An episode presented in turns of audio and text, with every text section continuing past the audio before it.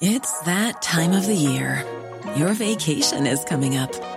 You can already hear the beach waves, feel the warm breeze, relax, and think about work. You really, really want it all to work out while you're away. Monday.com gives you and the team that peace of mind. When all work is on one platform and everyone's in sync, things just flow wherever you are. Tap the banner to go to Monday.com. There's never been a faster or easier way to start your weight loss journey than with PlushCare. PlushCare accepts most insurance plans and gives you online access to board-certified physicians who can prescribe FDA-approved weight loss medications like Wigovi and Zepbound for those who qualify. Take charge of your health and speak with a board-certified physician about a weight loss plan that's right for you. Get started today at plushcare.com slash weight loss. That's plushcare.com slash weight loss. plushcare.com slash weight loss.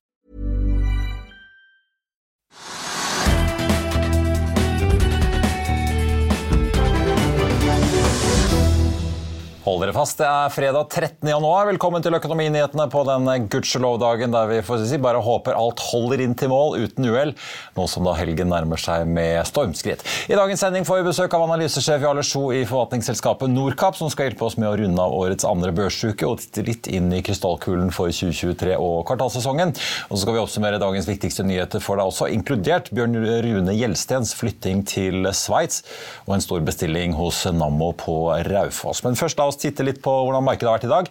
I Asia så tikket det meste oppover rundt prosenten i dag, i hvert fall på de store indeksene, med unntak av Nikkei-indeksen i Japan, som var ned 1,25% til slutt. På Wall Street i går så endte vi pluss etter inflasjonstallene for desember måned, som endte akkurat som ventet både på hovedkopien og kjerneinflasjonen. Både Nasdaq-indeksen og Dow Jones endte opp 0,6 etterfulgt av SMP 500 som endte opp 0,3. Og Futuresene på Wall Street de peker derimot noe ned nå snaue to timer før da ukens siste børsdag, og for så vidt også den siste børsdagen før Martin Luther King Day, som også er på mandag, og da holder Wall Street stengt. Rundt oss på kontinentet så er det stort sett også grønt jevnt over på alle de store indeksene i dag.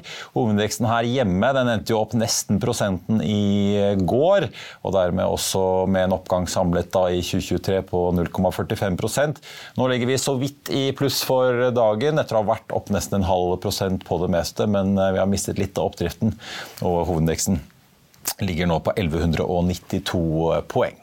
Av enkeltaksjer som det er verdt å merke seg, så får jeg aller først nevne Nordic Semiconductor, som ikke bare er nest mest omsatt på børsen etter Equinor i dag, men også solid ned, nesten 7% Det skjer etter at Taiwan Semiconductor tråkker på bremsen, og i hvert fall varsler det fra første kvartal. De kutter i estimatene sine for investeringer i 2023, etter å ha lagt bak seg et rekordkvartal i fjerde kvartal, fordi de nå da ser en nedgang i etterspørselen. Investeringen i år regner de med vil ende på mellom 32 og 36 milliarder dollar, mot 36,3 i året som har gått. UBS har nedgradert Nordic Semi i dag også, som også bidrar sannsynligvis til nedgangen. De ser for seg et ganske kraftig fall i topplinjen til Nordic Semi og går til en salgsanbefaling. Et kursmål på 134 kroner aksjen. Nordic Semi ligger nå nede på 167 etter dagens fall. Autostore faller også ganske mye i dag, ned rundt 11% etter en solid oppgang i går. Pareto har nedgradert aksjen fra hold til selv. Autostore har jo gått veldig kraftig i år, da, etter ryktene om at Amazon kanskje da var interessert i å bruke lagerrobotene til selskapet. En av aksjene som faller mer enn Autostore, er Biofish Holding, som torsdag kveld hentet inn 55 millioner kroner i en rettet emisjon til 1 krone aksjen, med en da tilsvarende rabatt mot sluttkursen i går på rundt 40% Aksjen er ned over 21 i dag og er uten tvil dagens store taper, men ligger fortsatt over emisjonskursen nå på 1 krone og 35. Høg Autoliners korrigerer litt opp etter det kraftige fallet vi så tidligere i uken på 11% etter oppdateringen for fjerde kvartal. En aksje som faktisk tikker litt opp også, er Oddfield Technology, som stiger over 10 etter at Sparebank 1 Markets har tatt opp dekning med en kjøpsanbefaling på selskapet som også ble spunnet ut av Oddfield Drilling. Kursmålet er på 60 kroner aksjen. Den ligger nå på 32 blank, opp 12,3% akkurat nå. Flyttestrømmen av norske investorer og formuene får vi si, ser ikke ut til å ta slutt ennå. For etter at navn som Jens Rugseth, Kjell Inge Røkke, Kim Erla, barna til Magnus Reitan og mange mange flere har takket for seg, så er det nå Bjørn Rune Gjelsten som legger sitt navn til på listen, får vi si. Nå flytter ikke Gjelsten selv, men han overfører store deler av verdiene sine til datteren, som skal være bosatt i Sveits. Gjelsten sier sitat, jeg har betalt 600 000 kroner dagen i privat skatt. Det er uforsvarlig. Jeg er tvunget til å ta ansvar. Og hva mer Gjelsten sier om flyttingen av 16 av sine 20 milliarder i formue ut av landet, det kan du lese om på FA.no nå. Finansminister Trygve Slagsvold Vedum, Arbeiderpartiets parlamentariske leder Rigmor Aasrud og forsvarsminister Gram overleverte i dag en ordre på 2,6 milliarder kroner for artilleriammunisjon til Nammo-sjef Morten Brandtzæg under en seremoni på Raufoss i morges. Dette er en fremskynding av ordrer, skriver regjeringen i en melding, og kommer etter at Norge og andre land har donert store mengder ammunisjon av samme typen til Ukraina. Nammo har jo 2700 ansatte i elleve land rundt omkring i verden, og er i dag en av få vestlige ammunisjonsprodusenter. Og selskapet eies jo 50 av den norske staten og 50% av finske Patria. Og Patria eies jo da igjen, får vi si, 50 av den finske staten og 50% av norske Kongsberg Gruppen, der hvor staten også eier da halvparten. Så her er eh, sammenvevingen komplett. Konsernsjef Morten Brandtzæg i Nammo sier at dette gir oss økt mulighet til å øke produksjonskapasiteten og gir oss den nødvendige sikkerheten til å plassere bestillinger hos våre underleverandører for å sikre fremtidige leveranser.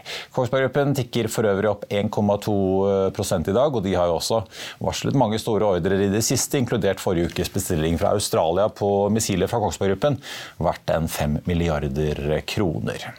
Og når vi først er inne på forsvarsindustrien, så får vi også ta med da gruveselskapet LKAB i Sverige, som har annonsert det som kan bli Europas største funn av sjeldne jordarter, som kan forsyne Europa da med råstoffer som trengs til bl.a. elbilbatterier i mange tiår fremover. Før vi kjører videre, så vil jeg bare minne om at hvis ikke du rekker å se denne sendingen, så kan du også høre den ved å søke opp Økonominyhetene på Spotify, Apple Podkast eller gå inn på fr.no-podkast.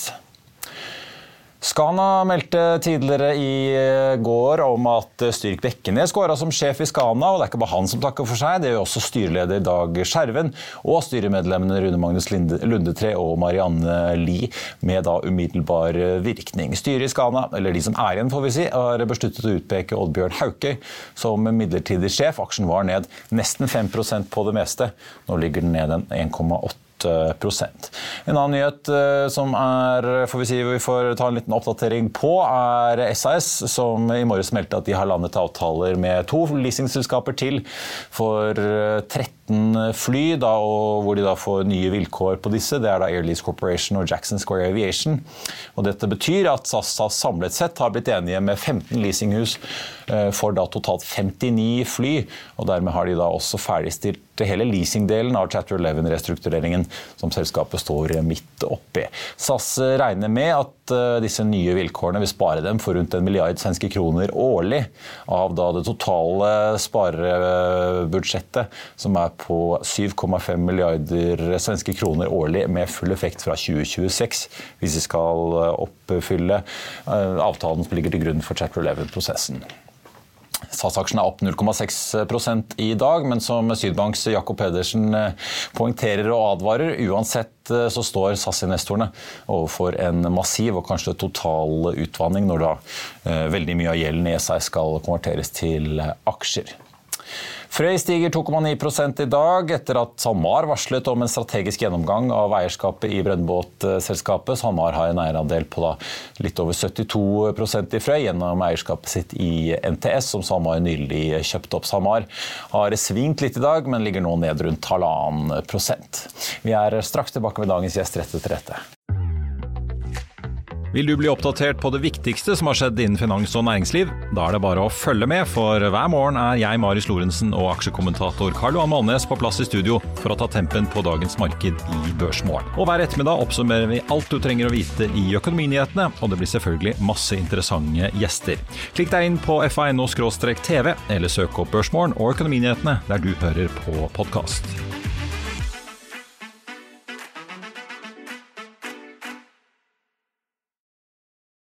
Da har vi fått med dagens gjest. Som jeg var innom, så er det jo Martin Luther King Day på mandag.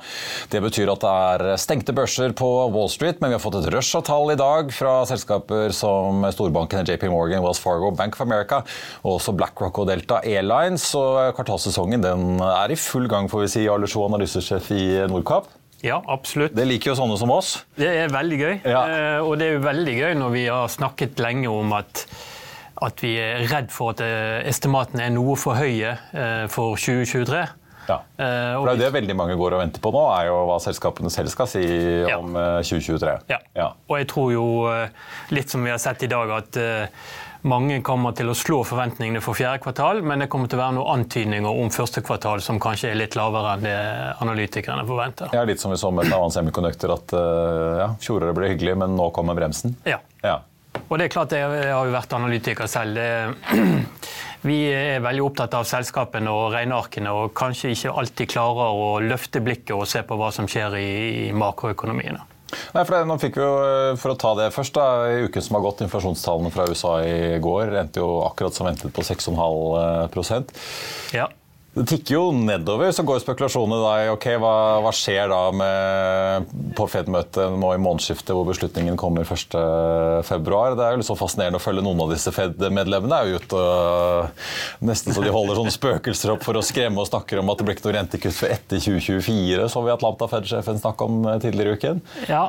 Hvordan, hvordan leser du egentlig dette her? Er det, prøver de å skremme markedet litt for å slippe å øke renten noe særlig mer? eller? Ja, altså jeg syns jo inflasjonstallet var ganske oppløftende. For det, eh, altså Sentralbanksjefen Powell har jo sagt at han, han er opptatt av tre elementer av inflasjonstallet. Det ene er varer, og det andre er husleie, og den tredje er service x husleie. Og varene er jo litt sånn preget av den logistikk- og flaskehalsproblematikken som man hadde, som nå er i ferd med å løse seg. Og husleie har jo steget, og den legger jo husprisene. Husprisene inngår ikke i inflasjonsindeksen, men husleie gjør. Og husleie legger eh, husprisene. Og husprisene har jo steget mye, men har begynt nå å falle. Så etter hvert så vil jo det slå ut i lavere husleie også. Og da er det, det siste elementet er service. Eh, og den eh, steg med, med 2,5-3 Så jeg syns de tallene var ganske hyggelige og viser at inflasjonen kommer raskt ned, og at effekten av den renteøkningen begynner å slå inn nå. Ja, Vi så jo inflasjonstallene her hjemme var jo, viste også en nedgang eh, nå sist. så To sjeføkonomer, Kjetil Bartsen i Swedbank og Marius Konsvold Hove i Handelsbanken, var ute med en gang og bare avskrev renteøkninger fra Norges Bank eh, nå neste torsdag. Tror kanskje det kommer igjen i mars. Ja. Ja. Og det er jo litt som Norges Bank selv har indikert. at De, de, sa, de satte jo opp styringsrenten til 2,75, og så sa de at de skal komme opp til 3, men de sa ikke når. Men man antar at det skjer i mars og ikke i, i neste uke. da. ja. Men da blir det kanskje Vi får se om det blir 25 eller 50 punkter på Fed i månedsskiftet. Ja, nå er, det, nå er det vel så i dag 80 eh, sannsynlighet for at det blir 25 punkter. da. Altså Markedets forventning er 25 punkter. Så vi da begynner jo vi å nærme oss en rentetopp. Ja. For det, Du har skrevet eh, si, en liten sånn 2023 hva får vi si, Ikke aksjonærbrev, men eh, analysenotat. Ja. Liksom listet opp de ti faktorene som du tror vil prege markedet. En av de er jo at rentetoppen nås. Ja. Ja. Ja, det- Da kan det være at det egentlig ganske, skjer ganske tidlig på året. da. Ja, altså jeg tror det kan skje før sommeren. og det er klart at Aksjemarkedet som er fremoverskuende, vil jo da begynne å, å spekulere i hva skjer etter rentetoppen. Jo, man begynner å snakke om rentenedgang i andre halvdel av 2023. Som vil da være positivt for, for aksjemarkedet. Så jeg, jeg, jeg tror at eh, There's never been a faster or easier way to start your weight loss journey than with PlushCare. PlushCare accepts most insurance plans and gives you online access to board-certified physicians who can prescribe FDA-approved weight loss medications like Wigovi and Zepbound for those who qualify. Take charge of your health and speak with a board-certified physician about a weight loss plan that's right for you. Get started today at plushcare.com slash weight loss. That's plushcare.com slash weight loss. plushcare.com slash weight loss. I'll see you in court. Vi sier det ofte litt på spøk, men for deg som driver business, er det aldri moro å innse at du ikke har laget en 100% gyldig kontrakt. Du bør ikke risikere hele firmaet ditt fordi du synes dette med kontrakter er litt stress. En avtale er ikke en avtale. Du kan miste kunder, miste venner, ja, til og med miste inntekter om du ikke lager en skikkelig kontrakt, på alt mulig, egentlig. Men vi vet det er et styr. Kopimaskiner, tregprinter og haugevis av papir. Dessuten stoler vi jo på folk her i landet. Det er ofte litt kleint å skulle be om en signatur for alt mulig, ja, for mye av styret handler også om jakten på underskriften. Det finnes en enkel måte å løse dette på, Dukkobit, en trygg, effektiv og get this, gratis måte å sikre seg en god natts søvn pluss en juridisk bindende avtale. Dukkobit-appen har de strengeste sikkerhetskrav i bunn, samt en EU-godkjent og sertifisert teknologi. Framover vil det bli behagelig å spørre du, skal vi skrive under på det, eller? Kom i gang på dukkobit.no. Fjoråret var preget veldig av at renten skulle kraftig opp, men nå er vi inne i en periode hvor vi faktisk kan se den toppen nærme seg. Ja, for Jeg så tiårsrenten i USA i går. tikket jo, jeg skulle bare se, Nå ligger den på 3,48, da, men den tikket jo under 3,5 i går. Ja. Ja. ja. Men så er det klart at altså, jeg må si at jeg begynner å bli mer positiv til markedet nå når vi begynner å nærme oss den rentetoppen. Men, men det er ikke tvil om at økonomien eh, er en ordentlig nedtur. Og europeisk økonomi er sannsynligvis i en resesjon nå.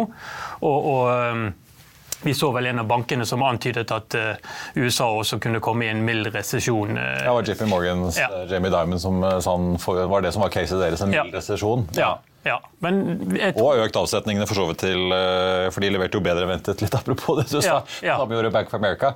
Men eh, JP Morgan satte av altså 2,3 milliarder dollar nå i kommende kvartal. I eh, til tapsavsetninger. Ja. Ventet 1,96. Ja. eh, åpenbart mer enn det som var forventningene og sikkert hintet om til analytikerne? analytikerne. Og Derfor er, marked, derfor er det veldig spennende med markedet når du da får resultater som blir dårligere. Du får eh, Alle makroindikatorene nå kommer til å være negative eh, og kommer sannsynligvis til å skuffe i første kvartal og kanskje andre kvartal. Men eh, aksjemarkedet er i forkant. Altså, så På et eller annet tidspunkt så vil markedet begynne å, å ønske å ta mer risiko og, og se gjennom denne nedturen. da. Vi hadde besøk av nye norgessjefen i ABG her, Christian Fyksen, for, eh, ja, i forrige uke. Jeg hadde en ganske interessant observasjon. Han trodde at eh, for å få børsnoteringsmarkedet, emisjonsmarkedet opp og gå igjen, så ville investorene og kundene hans se utslagene i aksjekursene etter disse Q4-rapportene. Før de turte å sette penger på bordet igjen. Ja. Det syns jeg var en litt sånn interessant eh, Og jeg ville vært bekymret oppsummering, egentlig. For det er, jo, det er kanskje litt for å se om på en måte de verste, den verste volatiliteten er over. Ja, og det tror jeg eh, for, for de som lever av, eh, av emisjoner og, eh, og oppkjøp og fusjoner, så tror jeg man har en ganske tøff periode nå fremover. Og jeg ser også at De store bankene som rapporterer jo at de er veldig lite villige til å stille opp med, med, med risikofinansiering nå. Både til private equity-markedet og til uh, høyrenteobligasjoner. Sånn at finansieringen er, er en mangelvare nå. eh, inntil man ser at markedet faktisk begynner å, å bedre seg, og at investorene er villige til å ta mer risiko. Ja. ja, for Du har jo selv vært forvalter, eh, så det er vel mange forvaltere også, som jeg antar sitter litt på gjerdet og ikke melder seg på alle emisjonene de blir tilbudt. Jeg tror, det tror jeg, og jeg tror, jeg tror man har mer enn nok med å investere i det som er børsnotert, som, som har falt mye. Uh, I dollar så er det jo en Verdensindeksen er vel ned nesten 20% i fjor. Så det er klart at mye har blitt billigere. Og da er man kanskje ikke så interessert i å ta på seg eh, den likviditetsrisikoen med å investere i, eh, i nye selskaper. Når Ja. man kan gjøre gode kjøp i, i eksisterende marked. For det, det andre punktet du har, inflasjonen ned, rentetoppen er nådd, Resesjon. resesjonen kommer, Ja. Og så at og krig selvfølgelig. også krig. Ja. Men eh, aksjemarkedet har jo en tendens til å, å tolerere eh, den type hendelser ganske raskt og prise det inn.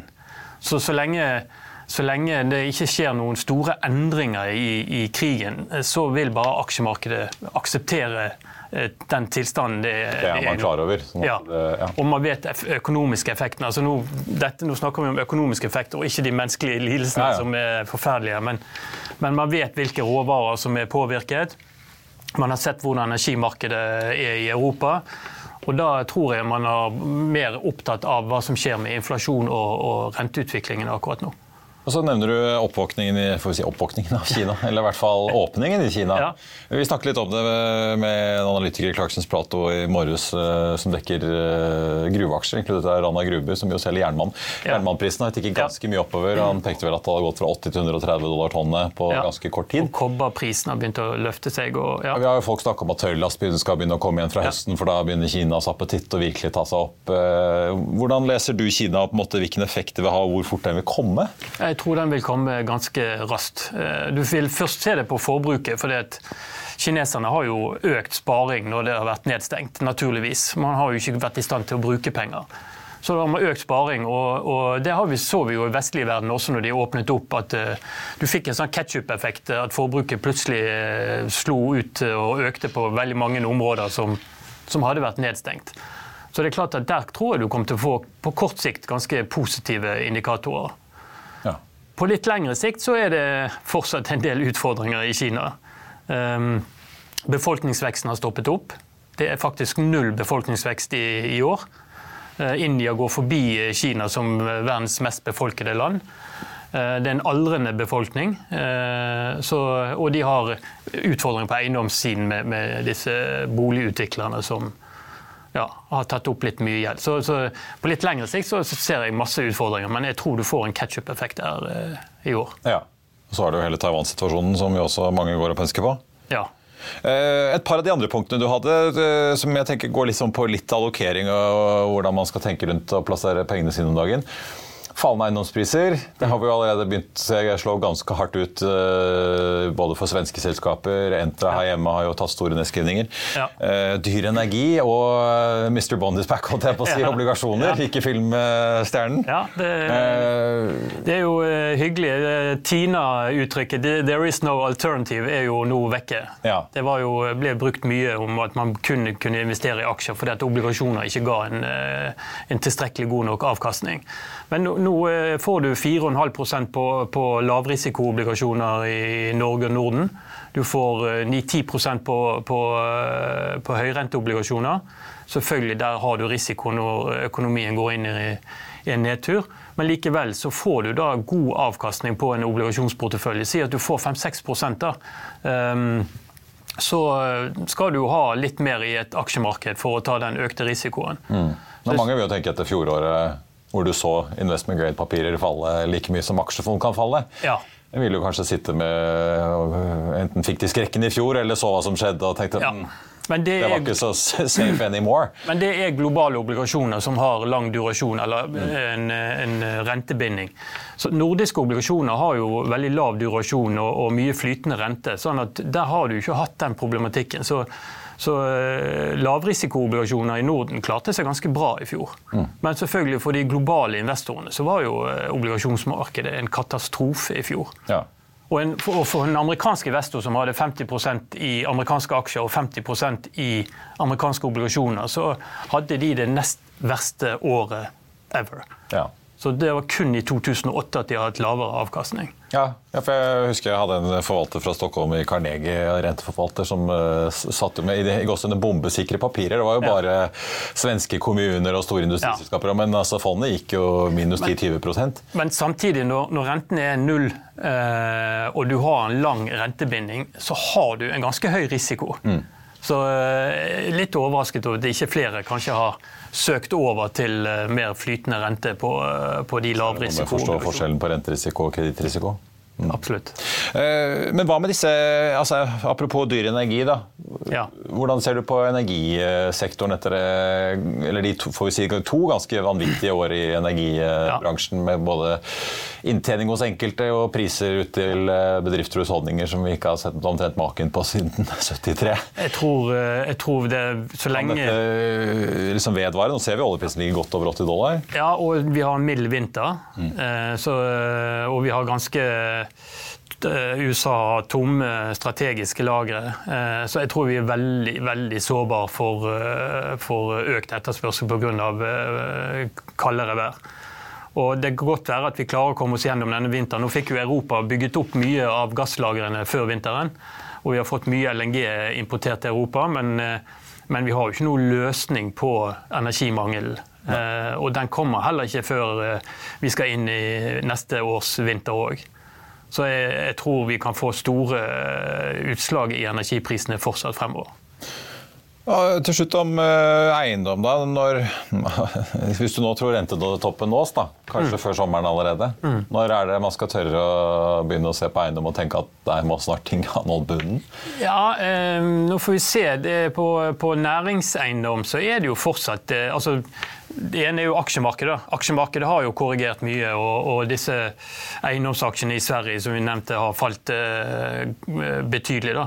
Mens selve næringseiendomsverdiene så har vi bare sett en, en, marginal nedgang. Så det er litt avstand der mellom kjøper og selger.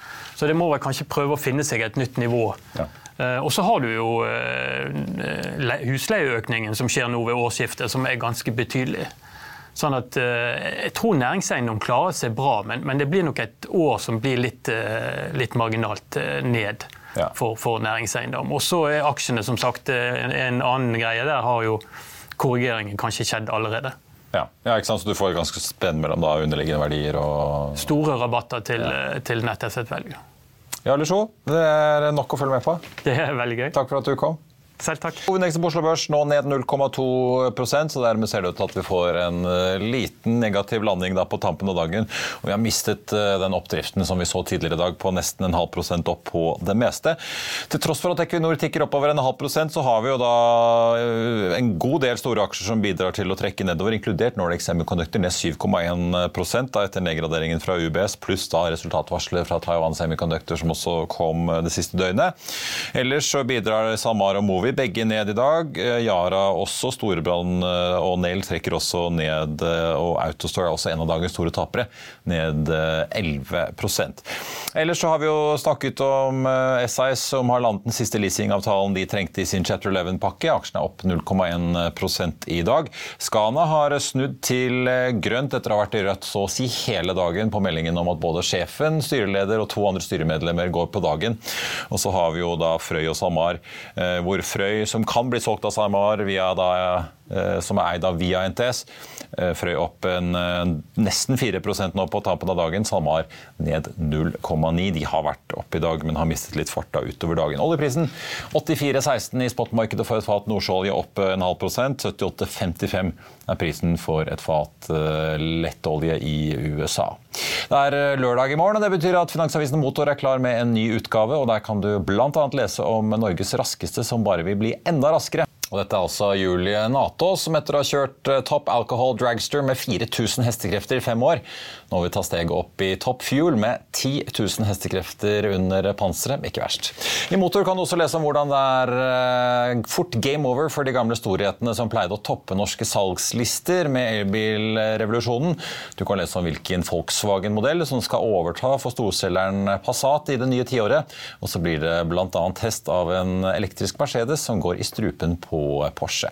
I Lørdagsavisen kan du også lese Trygve Egnars leder. Det blir profilintervju med Tibber-gründer Edgeir Aksnes, som har hisset på seg en god del kunder.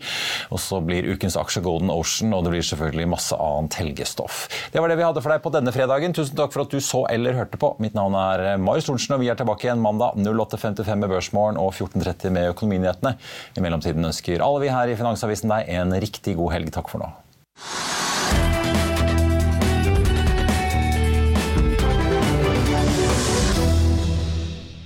Økonominyhetene er en podkast fra Finansavisen. Programledere er Marius Lorentzen, Stein Ove Haugen og Benedikte Storm Bamvik. Produsenter er Lars Brenden Skram og Bashar Johar.